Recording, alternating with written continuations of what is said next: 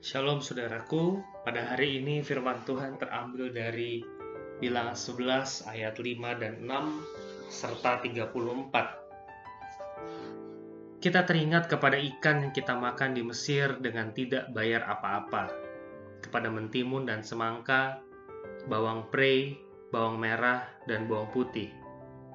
Tapi sekarang kita kurus kering, tidak ada sesuatu apa pun kecuali mana ini saja yang kita lihat Sebab itu dinamailah tempat itu Kibrot Ta'awa, karena di sanalah dikuburkan orang-orang yang bernafsu rakus.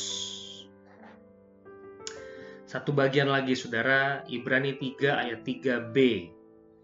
Sama seperti ahli bangunan lebih dihormati daripada rumah yang dibangunnya. Saudara, saya mendorong Anda membaca bilangan 11 dan Ibrani 3 ayat 1 sampai 3 kombinasi yang sangat baik menurut saya.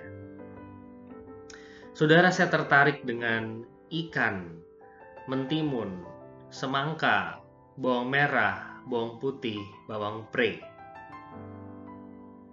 Saudara, makanan ini adalah makanan yang diidamkan, didambakan oleh Israel selagi mereka berjalan menuju tanah Kanaan yang penuh susu dan madu. Di sepanjang perjalanan, mereka hanya makan mana, sejenis roti yang nampak membosankan. Cerita di kitab bilangan ini seru, sampai-sampai Tuhan menurunkan api untuk membakar perkemahan mereka.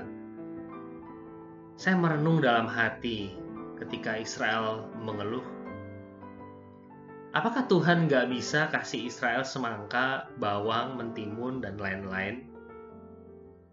Apa susahnya sih Allah yang cipta matahari, binatang, tumbuhan, memberikan itu kepada Israel, supaya Israel nggak kangen sama Mesir. Saudara setuju kan sama saya? Itu dia masalahnya. Ibrani 11 ayat 34 mencatat Tuhan menghukum Israel yang penuh hawa nafsu rakus. Jadi ceritanya Tuhan mengabulkan doa Israel untuk makan daging. Dan Tuhan memberikan burung puyuh, saudara bisa baca di bilangan 11. Tuhan memberikan burung puyuh kepada mereka, namun mereka menjadi bernafsu justru kepada daging yang diberikan oleh Allah. Apa perenungan saudara di sini? Bukankah Israel seharusnya lebih kagum kepada Allah daripada daging? Bukankah arsitek lebih dikagumi daripada bangunan yang dirancang oleh arsitek? Saudara lebih suka mie ayam, nasi goreng, dimsum, sapo tahu, sambal cabe, cabe ijo, kimchi, pecamke, nasi tim, kue tiao, atau saudara lebih suka Tuhan? Naif menurut saudara? Nggak apa-apa, saya lanjut terus. Tahukah saudara bahwa kita bisa menikmati makanan kita sesungguhnya seharusnya membuat kita makin takjub kepada Allah? Kita bisa nonton, tidur, makan makan sehat. Itu semua adalah karya Allah. Kalau kita saat ini bisa hidup, maka harusnya kita bersyukur dan menengadah ke atas, bukan malah terpaku pada berkat-berkat jasmania. Saudara saya masih memikirkan dengan mendalam, kenapa Tuhan gak kasih semangka mentimun pada Israel yang lagi dalam perjalanan? Tuhan pasti bisa.